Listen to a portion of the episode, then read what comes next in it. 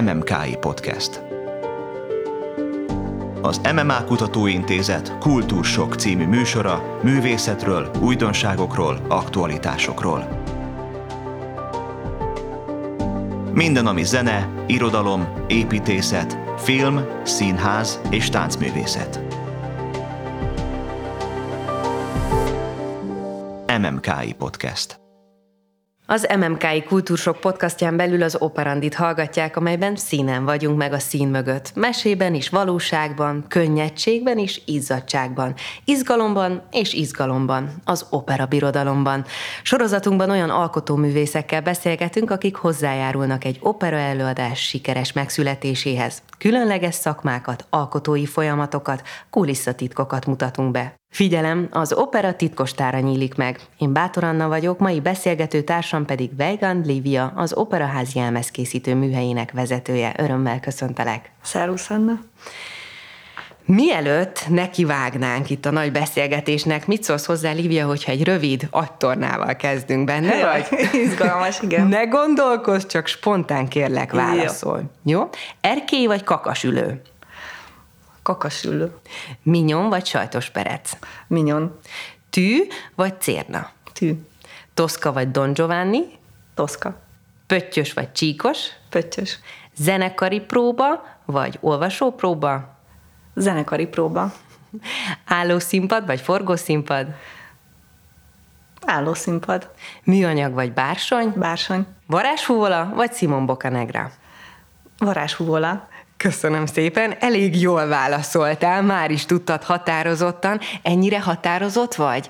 A munkában is szükséges egy vezetőnek, egy ekkora műhelynek a vezetőjének? Igen. Az, hogy, hogy ilyen... Igen. Igen. igen, én azt gondolom, hogy igen, tehát, hogy nincs idő meg lehetőség arra, hogy az ember sokáig lamentáljon kérdéseken, tehát, hogy bele kell vágni. Ezt nagyon jól láthattuk, érzékelhettük is. Ezek szerint az idő az kulcsfontosságú egy jelmezkészítő műhelyben. Igen, igen, tehát, hogy azért mi mindig határidőkhöz vagyunk kötve, a függöny az mindig fölmegy, az előadások mindig elkezdődnek, és mi ahhoz igazodunk. Mennyire mm, játszott az idő szerepet akkor is az életedben, amikor még csak akár gimnáziumba jártál, és gondolkodtál azon, hogy, hogy akkor merre tovább, hogy sokáig elméláztál azon, hogy ezt a szakmát válasszad, vagy az is ilyen gyorsan jött? Nekem igazából azt is mondhatom, hogy véletlenül jött, de bele is születtem, hiszen... Ö- úgy adódott, hogy, hogy, hogy 14 évesen nekem még úgy nem volt elképzelésem, hogy mivel is foglalkozzak, de a ruhához viszont így családon belül már volt kötődésem. A, annak idején volt a fővárosi mérték utáni szabóság, és az én nagypapám ott volt üzemágvezető, tehát, hogy, és akkor még Magyarországon komolyan folyt a, a ruhagyártás egy üzemák vezetőként a nagypapámnak volt kb. 800 beosztottja, üzemek voltak vidéken is, tehát, hogy, és mivel a nagyapámnak az eredeti szakmája férfi szabó, ő otthon is dolgozott, tehát, hogy, és akkor valahogy olyan magától adódott ez a dolog, hogy akkor menjek olyan középiskolába, ahol ezt lehet tanulni, jó volt mindig a kézügyességem, és hát igazából egy, egy ilyen megfontolásból jött ez az egész, és aztán, aztán elvégeztem az iskolát, utána a Könnyűipari Műszaki Főiskolán volt egy két éves képzés, ahol, ahol szerkesztés, szériázást tanítottak, modellezést, és, de én mellette nem dolgoztam, de a szüleim ugye meg azért úgy, úgy mondogattak, hogy azért mellette még kellene valamit csinálni, és egy ilyen teljesen véletlen folytán jött az, szüleim ismerettsége révén, hogy a Madács Színházba kerestek jelmez kivitelezőt. És én nagy szájhúzogatások közepette mentem el, hogy jó, hát akkor megnézem, és tudom, hogy nagyon közhelyes, de ez a szerelem volt első, első látás, első alkalomra, és én úgy voltam utána, hogy én, én csak is és kizárólag színházban akarok dolgozni. Ugye a Madách Színház is, itt az előző kérdésben volt egy olyan, hogy olvasópróba vagy zenekari próba, ugye itt akkor prózai színházról beszélünk, de a Madách Színházban is ugye már zenés darabok voltak, hogy akkor neked már a kezdettől fogva a zenés darabok azok ott voltak a Képzeld el, hogy nem, mert amikor a Madácshoz mentem, akkor az még nem musical színház oh. volt, hanem prózai színház, az ugye az évek folyamán alakult át musical színházzá, és hozzám, hogyha őszinte akarok lenni, akkor a prózai darabok közelebb állnak, és azért vágtam rá azt, hogy zenekari próba, mert itt az opera ugye egy, egy, egy, egy más műfaj, mint ahol előtte dolgoztam, mert a Madács Színház mellett én dolgoztam az Örkény Színházban, és nekem az egy nagyon nagy szerelem, az akkori társulatával és Mácsai Pállal az élen, tehát hogy én, én, én, én nagyon szerettem ott, dolgoztam a katonában is, és ugye az opera most egy, egy másik műfaj, és öt éve vagyok az opera operában, és, és, és nagyon, nagyon megszeretem. Nekem ez egy újdonság ilyen szempontból, és azért mondtam most, hogy, zenekari próba, mert nekem most ez az izgalmas.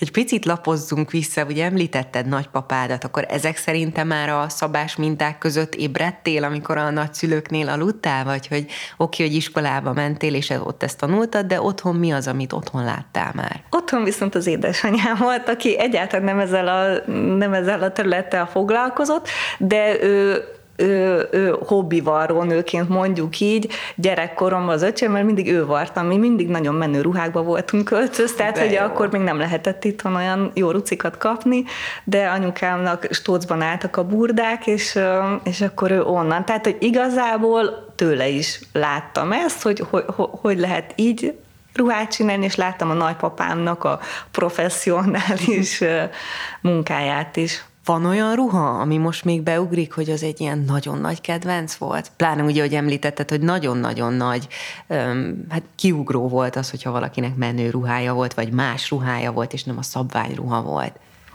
Hát igen, van egy, amire így nagyon emlékszem. Amikor bejött ez a susogós anyag, akkor, akkor az anyukám valahogy tudott szerezni egy ilyen típusú anyagot, és abból vart szabadidő ruhát az öcsémnek, meg nekem is tudom, ez nagyon megmaradt, mert iszonyú menő volt, tehát nagyon, nagyon klassz volt. Fú, akkor nagyon jó dolgotok volt. Jó dolgok volt, igen, igen. Mi az, amit elsőként megtanultál, akkor akár anyukától? Hmm. Olyan kislány voltál, aki, aki oda ment, és nem tudom én, akár zoknics toppolt, vagy szoknyát vart, vagy segített méregetni, vagy ez akkor úgy hidegen hagyott, csak, csak szívtad magadba? Igen, akkor még ott ugyannyira nem, is inkább amikor a nagypapámnál voltunk, akkor az unokabátyámmal eszkábáltunk ilyen ruhákat, és azt a nagymamám még a mai napig őrizgeti, nagyon vicces, tehát hogy tényleg ahogy ezt egy gyerek elképzeli, hogy hogy milyen lesz egy ruha. Tehát, hogyha egy előkerül, akkor általában könnyesen nevetjük magunkat, mert annyira vicces, de az volt mondjuk így az első alkotás. Milyen szép ez, hogy átöröklődik gyakorlatilag generációkon keresztül ez a különleges szakma, és ez az operaháznak is a jellegzetessége, mert nagyon sok olyan alkotóművész van, akik, akik tovább vitték ezt a hagyományt, hiszen nagypapa, vagy apuka, vagy édesanyja dolgozott így ott. Igen, igen. Tehát akár műhelyeken belül is, ugye több olyan kollégámnak van, aki, aki szintén ugye a családon belülről hozza már ezt a tudást, vagy ezt a, ezt a szeretetet, vagy szerelmet, de, de az olyan alkotó művészek között is van, akik vannak, akik, akik szintén így anyáról lányára, vagy anyáról fiára száll ez a, ez a szakma, díszlettervezőként, jelmeztervezőként. Nyissuk ki akkor egy picit a műhelyeknek az ajtaját, és kalauzoljuk el a hallgatókat, hogy hol is vagytok ti, és hogyan is működik ez a, ez a különleges műhely, mert amikor erről beszélünk, akkor azt kell, hogy mondjam, hogy tényleg így a Mikulásnak a műhelye jut az eszünkbe, hogy annyira sok szorgos kéz munkálkodik, és ez tényleg így van. Tehát ez egy külön világ. Ez így van. Uh-huh. Igen, igen, igen. Mit láthatunk, mit hallhatunk, milyen hangok, zörejek vannak, amikor te bemész a munkába? Hát a munkának az öreje, a gépeknek a, a, a zaja, és nyilván azért nem, nem úgy kell elképzelni, mint egy gyárat, mert azért itt finom gépek vannak, és Ugye mi kint vagyunk a Kőbányai úton, ott van az Eiffel műhelyház, és ez egy nemrég átadott, felújított épület, ott vannak a, a műhelyeink, azt kell tudni, hogy van három varrodánk, egy férfi, egy női műhely, és van egy olyan varroda, ami férfi és női jelmezeket is gyárt. A férfi és női műhelyben, ő, ezek, ezek régi műhelyek, tehát hogy, hogy, hogy, hogy, hogy nagyon régóta, több évtizede megvannak, ott általában a nagy operákat csináljuk, a klasszikus darabokat, már hogy ami a jelmezek jellegét illeti, és a balett előadásoknak a jelmezeit is. És a harmadik műhelyünkben, amit Erkel műhelynek nevezünk, mert ez egy később alakult műhely, és az Erkel színház környékén volt, tehát innen van a neve, ott viszont ö, ö, inkább a mai, mai ruhák, a mai jelmezek készülnek. Egy-egy varrodában olyan 15-16 fő van, az RK-ben most kicsit kevesebben vannak, de Egyébként nagyon fontos azt megjegyzem, hogy vannak tanulóink is, ők egy héten egyszer jönnek, duális képzésben vagyunk egy, egy középiskolával, mert az utánpótlásnak a kinevelése nagyon fontos, mert azért valljuk be, hogy a mai fiatalok nem pont arra törekszenek, hogy szakmát tanuljanak, és, és az, hogy, hogy hogy fogjuk majd a, az állományunkat feltölteni, azért az egy komoly fejtörést okoz, úgyhogy elindultunk ezen a vonalon, hogy akkor próbáljuk meg mi magunk kinevelni az utódokat. Úgyhogy van öt gyerek, aki most egy hozzánk jár. Ez nagyon-nagyon izgalmas lehet nekik is, hogy már ilyen tapasztalatra tehetnek szert. Mennyiben van annak nagy hatása itt 2022-ben, hogy gyakorlatilag az egész ruhaipar az átállt erre a erre a fast termelésre, tehát hogy minden ez a gyors, igen, alacsony minőségű, mennyire beszélhetünk ma még szabászatról, szabóságokról, és így az utánpótlásról. Hát ugye az, a, a, a jelmezkészítés az egy teljesen más vonal, mint amit, mint amit az utcai viseletnél hordunk, ruhákat kivitelezésben, technológiában, anyagválasztásban. Ugye itt, itt az anyag minőségek is mások, mint amit, mint amit hordunk. Egyébként így a hétköznapokban. Hát azt tudom mondani, hogy, hogy nem tudom, mit akarok jó, mondani. Nagyon jó, újra okay. A, igen, Mi itt arra, kérdés? gondol, arra igen. gondoltam, hogy ugye a fiatalok, hogy vajon ez számít-e, hogy már abszolút nincs így úgymond a szabóság, meg a szabászat ja, igen, képben, igen, igen. Uh-huh. és hogy lehet, hogy ez kihat arra, hogy kevesebben választják mondjuk ezt a különleges Igen, meg, meg igazából én azt látom, hogy azok a fiatalok, akik érdeklődnek így a ruhák a szakma iránt, így rögtön ö, már stylistnak képzelik magukat, és, ö, és amikor eljön eljönnek egy ilyen műhely látogatásra, mert szerencsére azért szokták őket hozni, akkor hát ott szembesülnek azzal, hogy igazából van, aki életében akkor jár először műhelybe, tehát sőt, igazából a legtöbben, és nagyon jó azt látni egyébként, hogy amikor jönnek, akkor kicsikét olyan jó, hát el kellett jönni, mert most éppen ez a program az iskolába, de ahogy így bevezettem őket, és végigmegyünk a műhelyeken, és ott a kollégáim is megmutatják minden műhelynek a, a, a kis titkos működését, az izgalmát, akkor, akkor a végén már csillog a szemük, és nagyon lelkesek, és, és látszik, hogy azért úgy valami megfogta őket, és utána a, a tanároktól is mindig az a visszajelzés, hogy nagyon élvezték a gyerekek, és van, aki ott már élesbe bele is kérdez, hogy mit kell ahhoz tennie, hogy itt dolgozhasson. Ó, de jó, tehát akkor az érdeklődés megvan. Itt a, az izgalmat akkor hozzuk ide most a beszélgetésbe. Hogyan történik egy munkafolyamat? Hiszen azért, amikor jön egy premier, lesz egy új produkció, akkor tényleg megint csak az idő számít, mindenki sürök forog, és izgalmi állapot van. Milyen folyamatok előzik meg a bemutatót, hogyan néz ki nálatok akkor egy munkafolyamat a műhelyben? Hát a legelső lépés az ugye onnan indul, hogy amikor készülünk egy új darabra, a rendező kiválasztja a maga alkotó társait, a díszlettervezőt és a jelmeztervezőt, azért általában a rendezők mm, nagyjából mindig ugyanazokkal az alkotótársakkal szoktak dolgozni. Ők, ők megbeszélik az elképzelést, megvan a koncepció, megszületnek a jelmeztervek, ezt követi egy jelmezterv elfogadás. Mi oda már úgy megyünk a jelmez kivitelező kollégámmal, minden produkciónak van egy jelmez kivitelezője, ott nálunk a jelmezőrden egyébként négy jelmez kivitelező kollégám van, mindenkihez tartozik egy produkció, aminek a jelmezei létrejöttért ő a felelős. Mondhatjuk úgy is, hogy ők a jelmeztervezőnek a jobb kezei, a kivitelezők munkájára azért kitérek egy kicsit, hogy utána később átlátható legyen az egész. Tehát egy kivitelezőnek az a feladata, hogy a jelmezek megszületését a kezdetektől fogva végig kíséri egészen odáig, hogy az öltöztetőknek átadjuk a ruhákat, átadja a ruhákat. Ő mindennel képbe kell, hogy legyen, hogy kinek kell még zokni, kinek szorítja a fejét a kalap, tehát kinek kell még egy fülbevaló, és hát nyilván, hogy a, a, a cipők, a ruhák, a parókák, a, minden elkészüljön. Tehát a jelmez kivitelező a, a tervezővel együtt, miután átbeszélték a dolgokat, csinál egy jelmez költségvetést. Ugye mi adott kereteken belül mozoghatunk, tehát hogy meg van határozva, hogy mennyi pénz van rá, azt túllépni nekünk nem lehet.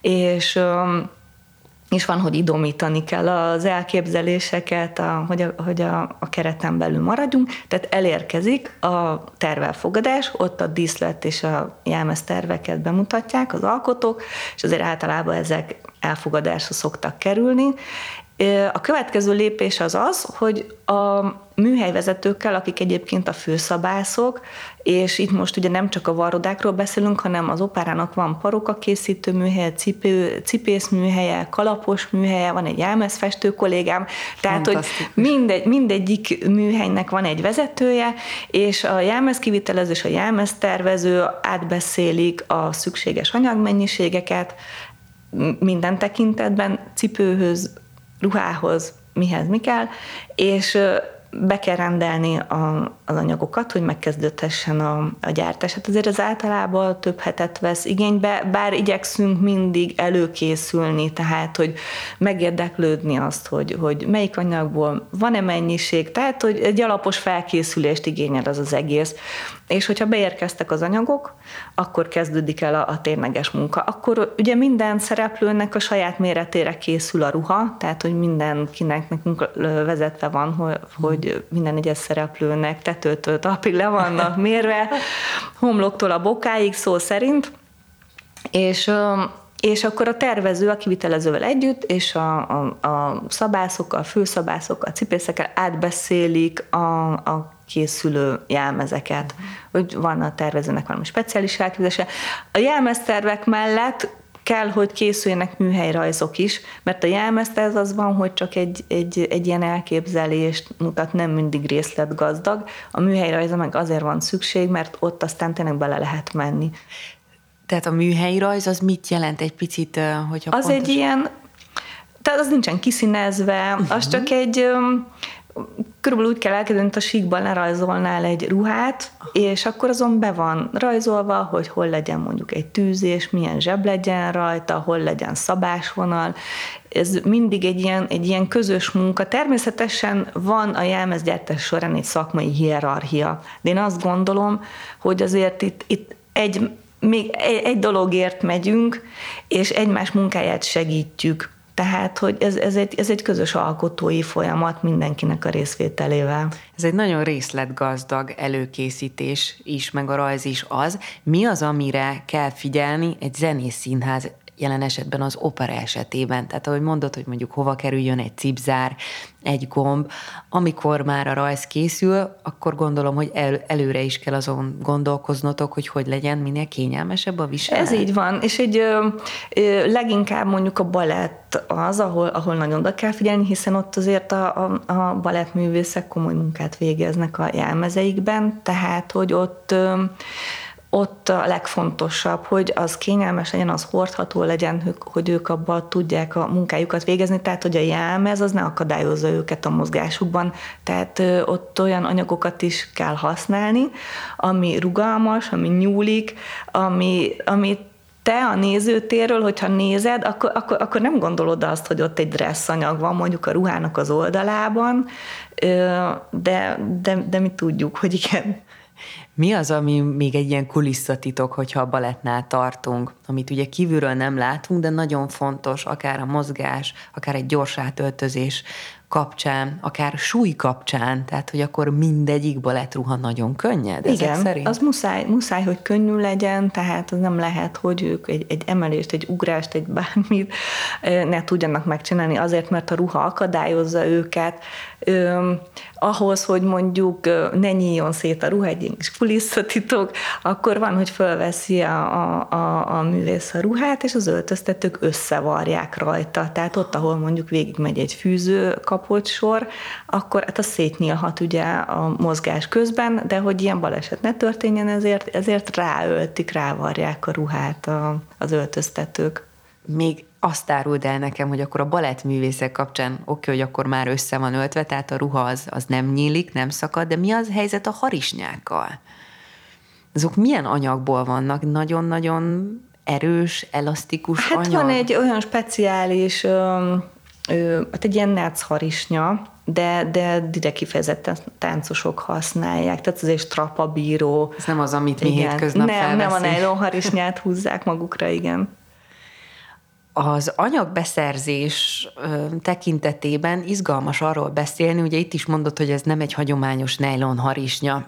Minden anyag különleges. Ezt itthon megveszitek a Röltexben, vagy, vagy hogyan zajlik az anyagbeszerzés, és milyen különleges anyagokat használtok? Hát igen, ahogy mondod, ugye mi rengeteg anyagot használunk egy, egy évad során, és és a hazai piac ezt nem képes kiszolgálni. Természetesen ugye vannak ö, hazai méteráron nagykereskedések, és itthonról is szoktunk válogatni, de azért az anyagoknak így a, a 90%-át az külföldről szoktuk ö, behozni. Van egy németországi cég, és ne, ők nem csak az operaházzal, a Magyar Állami Operaházzal állnak kapcsolatban, hanem, hanem a világ minden tájáról igazából a színházak tőlük rendelik be az anyagokat, mert náluk van az a választék, az a mennyiség, amit, amit ők tudnak produkálni, és nagyon hát jó pofa volt az, amikor jött egy külföldi tervező, és, és mondta, hogy jaj, hogy, hogy, hogy annyira kíváncsi, hogy mi uh, milyen anyagokkal dolgozunk, mert ő már annyira unja, hogy bárhol megy a világban, mindenhol ennek a bizonyos szégnek az anyagait használ, látja a színpadon, hát mondtuk, hogy van egy szomorú hírünk, mi is tőlük vásárolunk, úgyhogy... Um, Tehát ennyire speciális akkor a, az anyaghasználat. Vannak-e olyan finomítások, vagy akár olyan plusz csavarok itt visszatérve az illető kérdésére,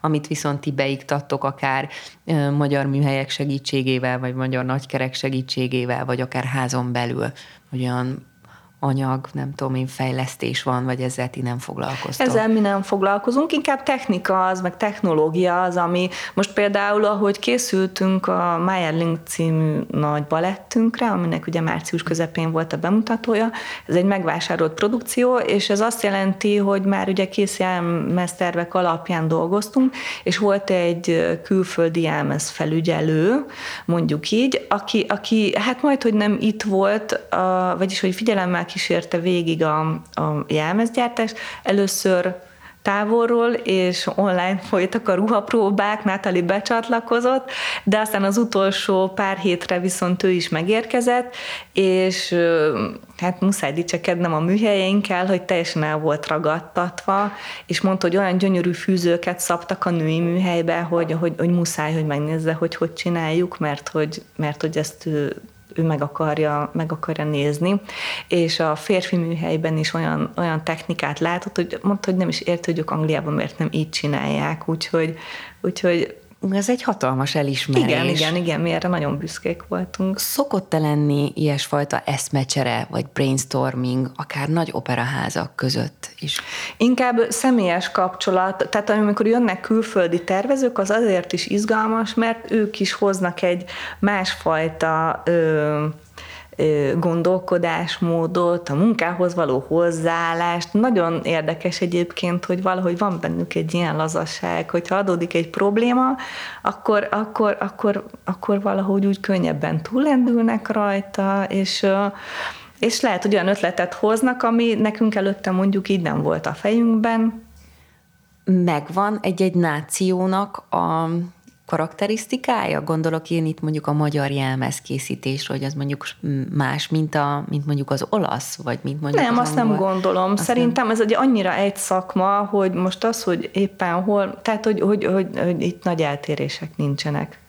Inkább a rendezés és a, a, az eredeti koncepció az, ami esetleg meghatározhatja egy-egy produkciónál a a különlegességét. Igen, meg a jelmeztervezőknek a, a sajátosság. Azért minden jelmeztervezőnek általában azért van egy, van egy stílusa, amit uh, hiába mondjuk változatos darabról darabra, de azért felismerhető, hogyha valaki ismeri ezt a szakmát, hogy, hogy ki is csinálta azt, a, ki tervezte azt, az, azt a jelmezt. Itt óriási mennyiségű jelmez készítésről, vagy jelmezekről beszélünk, produkciókról beszélünk, esetleg tudsz olyat nekem mondani, hogy körülbelül hány méter anyagot használtok ti a műhelyben, akár produkció szintjén, havi szinten, éves szinten? Hát az éves szint az, ami, ami jobban meghatározható, hiszen, hiszen hónapról hónapra nem egy állandó mennyiség, mert azért mindig a produkciók befolyásolják, hogy, hogy mennyit, de ugye egy évadban mondjuk egy ilyen mm, 17-18 ezer méter anyagot azért úgy, úgy elhasználunk. És um, több ezer ruhát gyártunk le. Tehát, hogyha azt vesszük, hogy egy nagy operához, egy nagy baletthez, ahol kórus van, balettkar van, mondjuk 4-500 ruha kerül legyártásra, tehát azt mondhatom, hogy egy évadban egy ilyen 3000 ruhát biztos, hogy megcsinálunk, ezek azok, amik, amik ott készülnek a műhelyünkbe, és azért az is nagyon sokat számít, hogy hogyha olyan darabot csinálunk, ahol vásárolt ruhák vannak, azokat azért sokszor át kell alakítani, vagy hozzá kell nyúlni, az, az még egy plusz pár száz ruha. Tehát, hogy azért a műhelyink folyamatosan és eléggé le vannak terhelve. És itt, hogyha egy ruháról beszélünk, az nem feltétlenül takarja azt, hogy akkor ez egy darab szó szerint ruha, vagy egy darab póló, vagy egy, egy zakó, hanem itt jelmezekről van szó, aminek akár több rétege is van, tehát képbe kerülnek a stólák, a kesztyűk, a kalapok, a különböző kiegészítők, a különböző régi korokat megidéző ruhadarabok is. Igen, igen, hát ez így van, ugye nyilván ez attól függ, hogy, hogy mi a koncepció, hogy, hogy, hogy egy mai képet akarunk megjeleníteni, vagy, vagy a korabeli és korhű jelmezek készülnek, azért, de ugye mivel ezek színpadi viseletek, azért látványban kell, hogy megegyezzen. Kivitelezésben, itt a hordhatóság egy nagyon fontos szempont, hogy, hogy, hogy, hogy nem lehet már mondjuk a régi technológiát alkalmazni, meg az anyagok is ugye már másmilyenek, mint, mint, mint amilyeneket régen használtak a,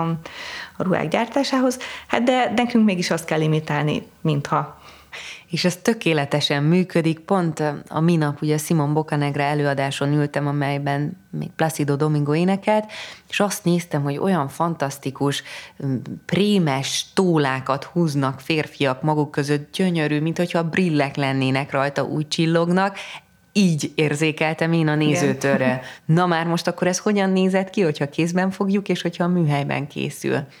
Ezek nem több száz kilós darabok. Nem, nem, nem. Meg hát természetesen műszörről beszélünk, ugye, aminek nem bőr az alapja, tehát nyilván az, az ad egy könnyebbséget, és a csillogást, ezek a kikövezések, azok hogyan zajlanak, vagy milyen szempont szerint ezek is milyen anyagból vannak? Hát műanyagból, üvegből, uh-huh. tehát hogy, hogy nyilván nem drága köveket használunk, hanem, hanem imitálunk mindent. Tehát Mennyiben okoz nehézséget? Van erre külön próba az énekesek számára, hogy pláne egy férfi most húz maga után egy stólát, nyolcszor izgul mindenki, hogy rá, rá ne lépjen, el ne essen, igen, ugye úgy van, hogy tehát ezért szükségesek a jelmezes próbák, jelmezes színpadi próbák, ez a bemutatókat szoktam megelőzni egy másfél héttel, és nekünk az a, az a, az a határidő, tehát a jelmezes próbákra, az első öltözéses próbára nekünk el kell készülni a jelmezekkel, pont azért, hogy a szereplők ezt a színpadon ki tudják próbálni,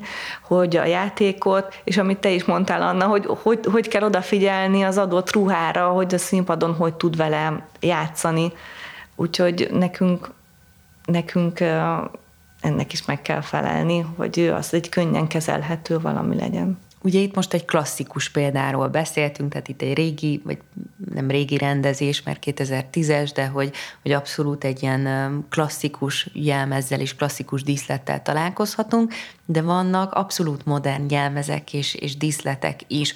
Ott milyen anyaghasználattal találkozhatunk? Volt-e esetleg olyan extrém anyag, amit kiemelnél? Hát Hogyha, hogyha mai, mai jelmezek, ott nagy különlegesség nincsen, de, de, de hogyha egy, egy, egy elvont világot akar a tervező megjeleníteni a színpadon, akkor igen, akkor van, hogy műanyagból készülnek a jelmezek. Ez, ez mindig, ezeknek a különleges anyagoknak a használat azért mindig egy kihívás jelent a műhelyeknek, mert azért nem az a megszokott, hogy mondjuk műanyagfóliából gyártsanak ruhákat, tehát akkor, akkor azt ki kell kísérletezni. Az, hogy, hogy az hordható is legyen a színpadon szereplő számára, mert azért egy, egy műanyagnak nem ugyanazok a tulajdonságai, mint egy textilnek nincs meg a puhasága, hanem van egy merevsége, az, a, ott az anyagszél az vág, tehát hogy, hogy sértheti a bőrét, tehát hogy ilyeneket, ilyenekre nagyon oda kell figyelni, hogy, hogy azért szerencsétlen, aki ott a színpadon produkálja magát, az, az annak ne okozunk például fájdalmat, vagy hogy ne azzal kelljen foglalkoznia, hogy, hogy neki kényelmetlen az a ruha. Erre nem is gondolunk így külső szemmel, akár a műanyagnál, amikor megdolgozzátok, akkor van úgymond egy tesztüzem, tehát hogy azt mennyire lehet összevarni, mennyire lehet hajlítani, mennyire lehet abból ruhát szabni. Hát úgy, hogy tesztüzem úgy nincsen, de hát nyilván azért ki kell próbálni. Tehát igen, igen, van egy kísérletezés, sőt úgy szoktuk csinálni, hogy, hogy ha mondjuk nem is feltétlenül mondjuk az anyag különleges, hanem szabászatilag van egy, egy új kihívás, amit előtte mondjuk így nem csináltunk, akkor azért, hogy ne a majd a készülő jelmez anyaga legyen, ne azon folynak kísérletezés, akkor vászomból a kollégáim meg szokt, ki szokták szerkeszteni, meg szokták varni, tehát csinálnak, csinálnak próbát, és azzal lehet kísérletezni, hogy, hogy legyen egy kiindulási alap, és akkor utána lehet belevágni így élesen. Ugye a kiegészítők azok azért elég fontosak, nagyon sok olyan alkotó művészt neveztél meg, aki ott ténykedik veletek, mellettetek. Ugye itt kalapokról, parókákról, igen. cipőkről beszélünk? Így van, így van. Igen, igen, és amikor azt mondjuk, hogy kalapos műhely, akkor tudni kell, hogy ők nem csak kalapokat gyártanak, hanem mindenféle fejdíszt, kiegészítő diadémot, most legutóbb például szárnyat csináltak a, a kolléganőim, tehát hogy, hogy tényleg én azt gondolom, hogy ez a színházi világ ez annyira varázslatos, mert, mert itt mindennel, mindennel találkozunk, és ezért van az, hogy megunhatatlan ez a szakma. Tehát, hogyha valaki tényleg így beleszeret, és általában beleszokott szeretni az, aki oda jön, az, az elhivatottsággal csinálja, mert ezt másképp szerintem nem is lehet. De ugyanígy egy cipészműhelyben is olyan különleges formák vannak, hogy, hogy ott a tervezők szabadra engedhetik a fantáziájukat, és aki az operaházban jön dolgozni tervezőként, azért van nagyon szerencsés helyzetben, mert ez az a színház, ebben az országban, ahol tényleg minden műhely van. Tehát, hogy és fantasztikus szakemberek vannak, akiknek az a feladata és az az elhivatottsága, hogy a tervezőknek az álmait valóra váltsák. Hm. Ugye a szárnyakat, hogy mondtad, már szárnyakra kell mindenkinek a fantáziája, hiszen a hány opera előadást látunk, tényleg annyiféle kiegészítő van az operaénekeseken, ugye világító kalapoktól kezdve. Tehát itt is azért van egyfajta extremitás, nem? Hogyha tudunk egy-két példát hozni erre. Hát igen, igen, van, hogy, van, hogy annak a jelmeznek világítania kell. Most például az Istenek alkonya, amire készülünk, ugye most lesz majd a héten a premier, itt is volt, hogy, hogy olyan textilt kellett felkutatnia a jelmez kivitelezőnek, hogy, hogy, hogy, hogy, hogy ami, ami alkalmas arra, hogy majd világító jelmezként tudjon működni a, a színpadon, de mindig van valami. És, és az ilyen különleges jelmezeknek a kidolgozásánál az is nagyon fontos, hogy a műhelyeink nek a munkája van, hogy összefolyik. Tehát, hogy a műhelyeknek össze kell dolgozniuk, mert egy adott jelmeznek az egyik ö, ö, részét megcsinálják a, mondjuk a kalapos műhelybe, aztán az fölkerül a jelmez műhelybe, ott fejezik be, vagy hogy, hogy, hogy vannak, ilyen, vannak ilyen összefonódások a munkaterületek között pályafutásod során volt-e olyan hú, olyan esemény, amire mind a mai napig emlékezel, hogy hú, hát az ott bizony forró volt, vagy nagyon-nagyon nagy fejtörés volt, mert, mert tényleg nagy kihívás volt akár az anyag, akár a jelmeznek az elképzelése, vagy mert nem volt idő. az idő, az mindig az egy folyamatos, folyamatos kihívás. Egyébként azt hiszem, hogy az alapjáraton elmondhatom, hogy, hogy itt az operaházban is, ugye mivel nagyon sok bemutatónk van, és tehát, hogy, hogy aminek meg kell felelni, nagyon sok jelmezt gyártunk, ezért én úgy érzem, hogy az idővel mindig versenyt futunk, mert az számolni kell azzal, ha, amire egyébként nem számítunk, hogy mi csúszik be, milyen előre nem látható esemény, ami, ami visszafogja a munkát, de utána nekünk azt, a, azt az időbeni lemaradást be kell hoznunk, mert ugye ahogy már mondtam, mi határidőre dolgozunk. Tehát ez egy állandó kihívást jelent, ami így a, így a pályafutásom alatt volt, és nagyon izgalmas volt, hogy Tihanyi Ildivel dolgoztam együtt, jelmeztervezővel, és egy olyan különleges anyagot használtunk jelmezekhez, a Szegedi Szabadtéri színpadra, hogy egy tájveknek nevezett pap, hát mondhatom azt, hogy papír, de igazából nem papír volt az alapja az anyag, csak hatásában olyan, de valahogy egy ilyen egy ilyen műanyagos felület, és hogy az, az, az mondjuk egy nagyon érdekes, nagyon izgalmas munka volt, mert ott nyomattuk rá a mintákat a ruhákra, tehát de varható is volt közben, szóval, szóval az, az, az a, a készítő műhelyeknek is szerintem egy ilyen maradandó élmény volt, mert ott tényleg ott együtt kellett kitalálni, hogy hogy, hogy, hogy, hogy lehet ezzel az anyaggal dolgozni. És akkor ez egy sikeres. Az egy nagyon sikeres volt, igen. Címot. igen. Tehát az idővel mindig versenyt futtok. Így történt ez most is az operaház megnyitása előtt, mert terjedtek ám olyan, olyan mendemondák, hogy bizonyám az operaház teljes kara énekkara, tánckara, vagy bárki, aki, aki éppen szabad volt, az ment a, a varrodába és segített felvanni a gombokat. Így történt ez? Ez így történt, ez egy nagyon kemény menet volt, ez, tény, ez tényleg így volt. Ugye ö, attól volt ö, nagyon nehéz, hogy ö, Ugye az opera nyitását mi két premierrel ünnepeltük, a Hunyadi volt a, a, a, az első bemutatónk, és rákövetkező nap pedig a, a Mayerling, a már az előbb említett nagybelet.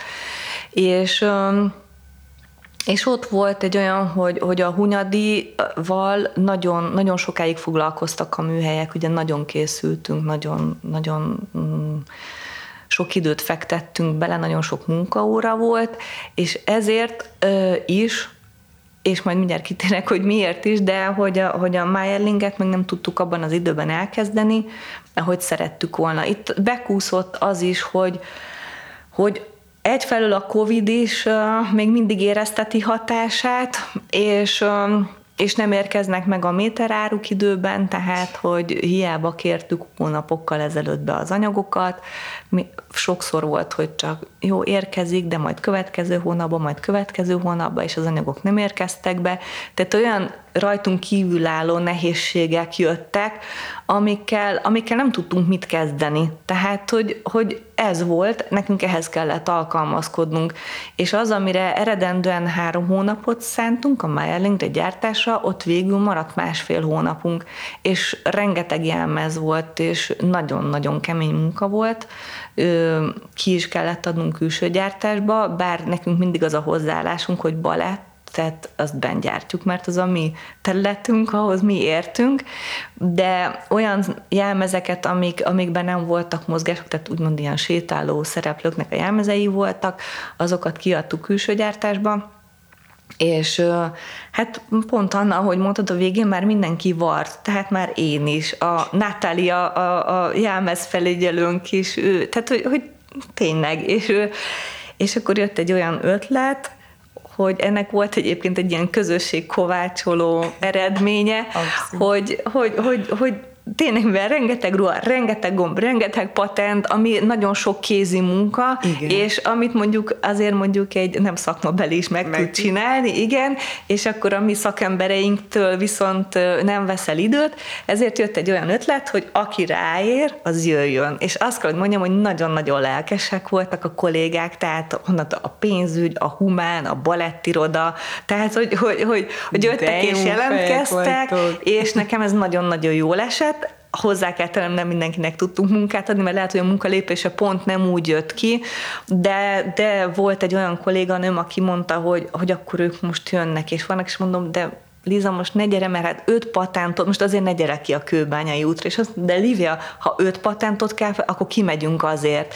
És nekem ez nagyon megható volt, és nagyon-nagyon nehéz volt ez a menet, de, de nagyon összetartott minket, nagyon összehozott minket, mert olyan műhelyek is besegítettek, akiknek egyáltalán nem ez a profiljuk. Van egy karbantartó műhelyünk, ők nem hozzám tartoznak, de ők is ugyanúgy részt vállaltak ebben az egészben, és hogyha ők nem segítettek volna, akkor igazán nagy bajban lettünk volna. De de összeállt a végére, de az biztos, hogy, hogy nagyon-nagyon kemény hetek álltak mögöttünk, vagy állnak mögöttünk. Uh-huh ezek szerint akkor igazi nagy családként működtetek, és fogtatok össze, és ez egy jó kezdeményezés, ez be is lehet vezetni akár évente.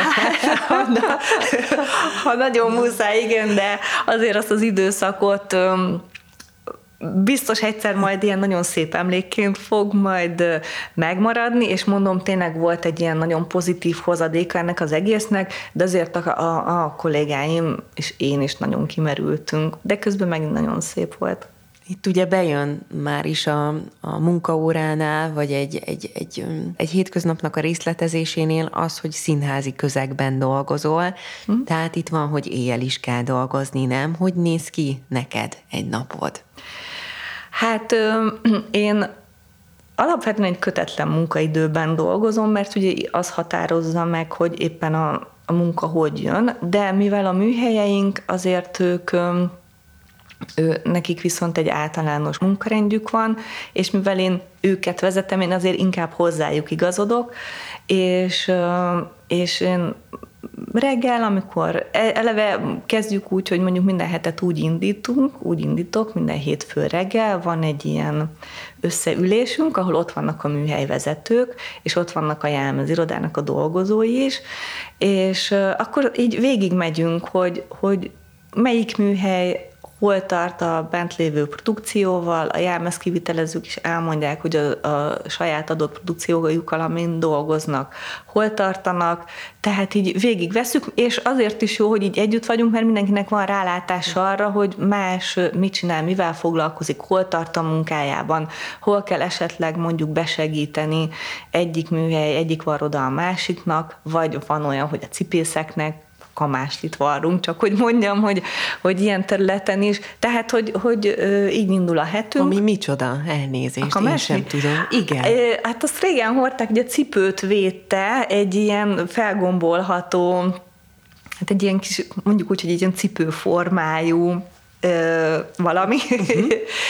és és tehát, hogy, hogy így indulunk neki a hétnek, akkor úgy nagyjából mindenki képben van, hogy, és átbeszéljük, hogy, hogy esetleg mi az, ami várható. Ki, a jel, hogyha valamelyik műhely meg van szorulva időben, akkor, akkor azt így jelzi, hogy mondjuk esetleg túlórázniuk kell, tehát így mindannyian képbe kerülünk, és aztán utána igazából, hogy a napok hogy folynak, ezeknek az ügyeknek a a sinen tartása, a koordinálása az, és ami az, az én feladatom. alkotói folyamat innentől kezdve teljességgel Így van. van és megindul. Igen, igen, igen. Akkor ugye, amikor készülnek a jelmezek egy adott produkcióhoz, akkor jönnek a jelmeztervezők is, tehát akkor ők ott vannak bent velünk, folyamatosan a jelmez kivitelezőkkel, most nem azt jelenti, hogy minden egyes nap bejönnek, bár vannak a a jelmezgyártásnak olyan szakaszai, amikor igenis szükséges, hogy ott legyenek nap mint nap, mert kérdések merülnek fel a gyártás során, amiket ők tudnak megválaszolni, hiszen az ő elképzelésüket kell megvalósítani. Tehát akkor fogadjuk a jelmeztervezőket, dolgozunk velük együtt, és így így kordában kell tartani, úgymond, ezt a rengeteg Így részletet, és Igen. a rengeteg, rengeteg alkotót. Mi a sorsa ezeknek a jelmezeknek? Ugye eddig a, az előkészületekről beszéltünk, ami nagyon feszes, elkészül végre a jelmez, rengeteg előadás lemegy egy produkcióból, és aztán? És aztán bekerül a jelmez raktárba.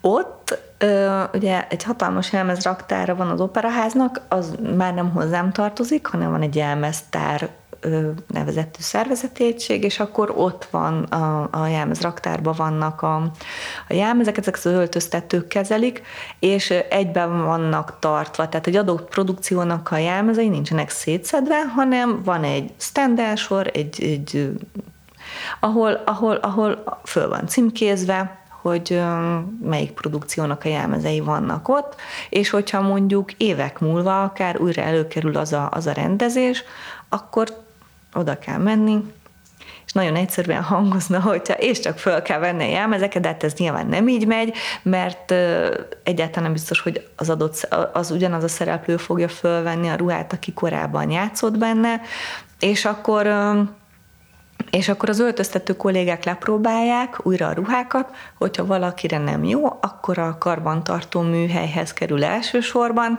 ők megnézik, hogy tudnak-e a ruhával valamit kezdeni, átalakítani, nagyon profi szakemberek dolgoznak ott is, tehát itt nem csak egy egyszerű kiengedésről, vagy bevételről van szó, vagy felhajtásról, hanem hogy egy komolyabb átalakítást kell végezni, azt, azt, azt ők megcsinálják.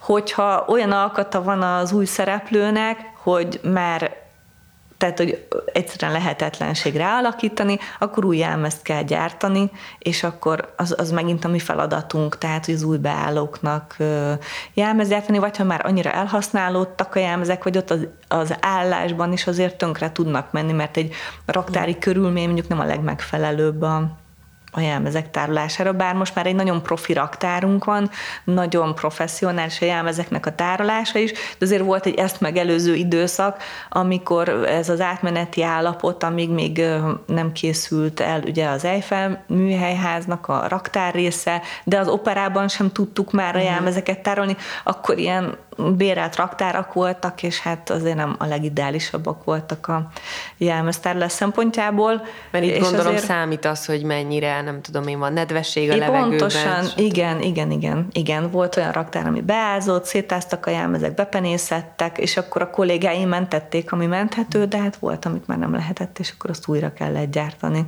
Ez egy nagyon fontos pont, hogy kiemelted, hogy lemegy egy produkció, és van, hogy évek után újból előkerül uh-huh. egy előadás, ez az operán operának a jellegzetessége, tehát ilyen szempontból az egyértelmű, hogy a jelmezek azok, azok megmaradnak, nem vész kárba, mennyiben lehet egy-egy jelmezhez hozzányúlni, hogyha van egy produkció, nem tudom, x évvel ezelőttről, és azt inkább már egy másik produkcióban felhasználná valaki, vagy azért ez nem így megy?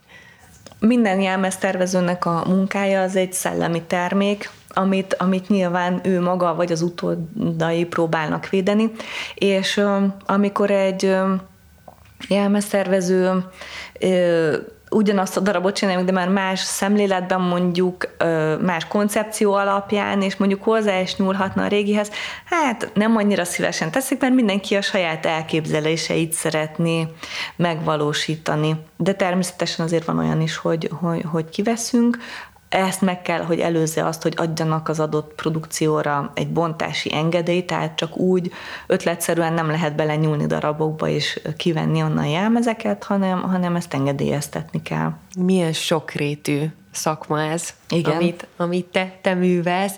Van-e olyan, hogy beleszerettél mondjuk egy adott jelmezbe, vagy hogy egy adott jelmez inspirált, és otthon készítettél valamit? Van még ilyen? Előfordul?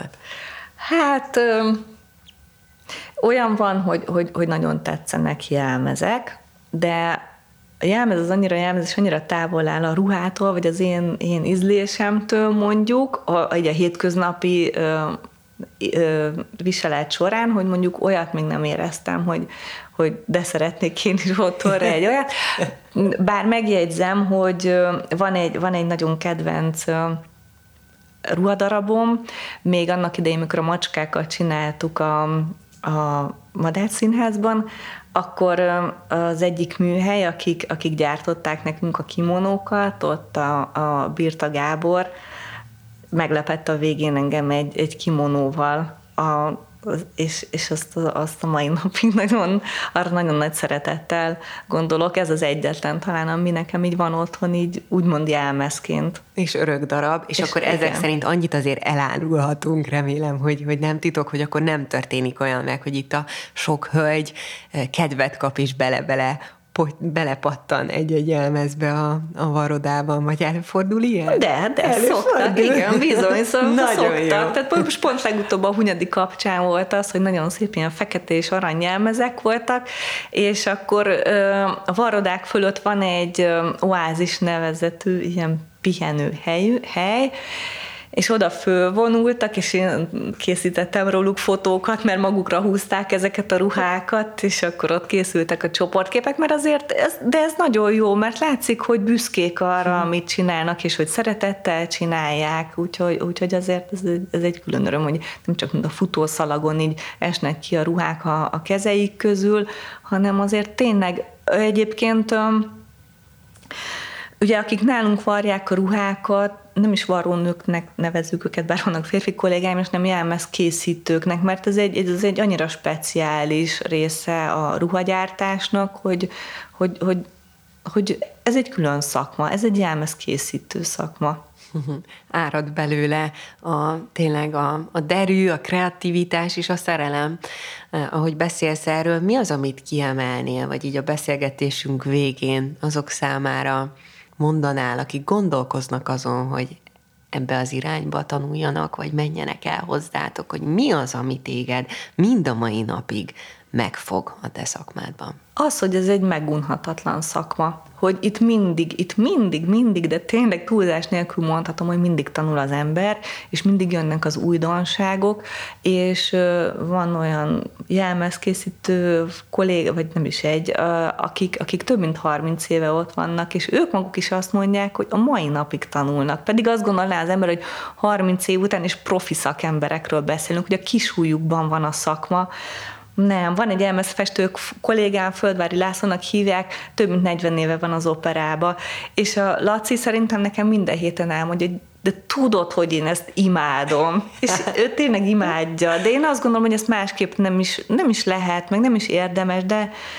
de tényleg, hogyha valaki odajön és, és belekóstol ebbe az egészbe, és hogy szokták mondani, hogy megérzi a színpadszagot, akkor az általában ott is ragad. Ez így van. A duális képzést említetted, van-e még bármi olyan egyéb program, amelynek segítségével belepillanthatunk ebbe a szakmába, ebbe az alkotói folyamatba? Gyerekeknek szoktunk tartani, erre vagy gombot, ez a címe, ez minden hónap első szombatján van, egy ilyen kis kézműves foglalkozás, bár azt tapasztalják a kollégáim, akik ezeket a foglalkozásokat vezetik, hogy gyerekek inkább ragasztani szeretnek, úgyhogy ragasztó pisztolyokkal vagyunk felszerelkezve, mert varni annyira nem, de hát nyilván itt gyerekekről van szó, azért jönnek fiúk és lányok is, uh-huh. és, és akkor ez egy két órás foglalkozás szokott lenni, és ez ott, ott, ott történik ez a foglalkozás, ahol a varrodák is vannak, ott mondjuk nyilván nem bent a műhelyben, de, de azért, azért van egy egy ilyen kis bepillantási lehetőség van, amikor a szülők is följönnek, hát ők nagyon lelkesek, ugye nyilván igen, más szemmel nézik, igen, igen, mint a gyerekek,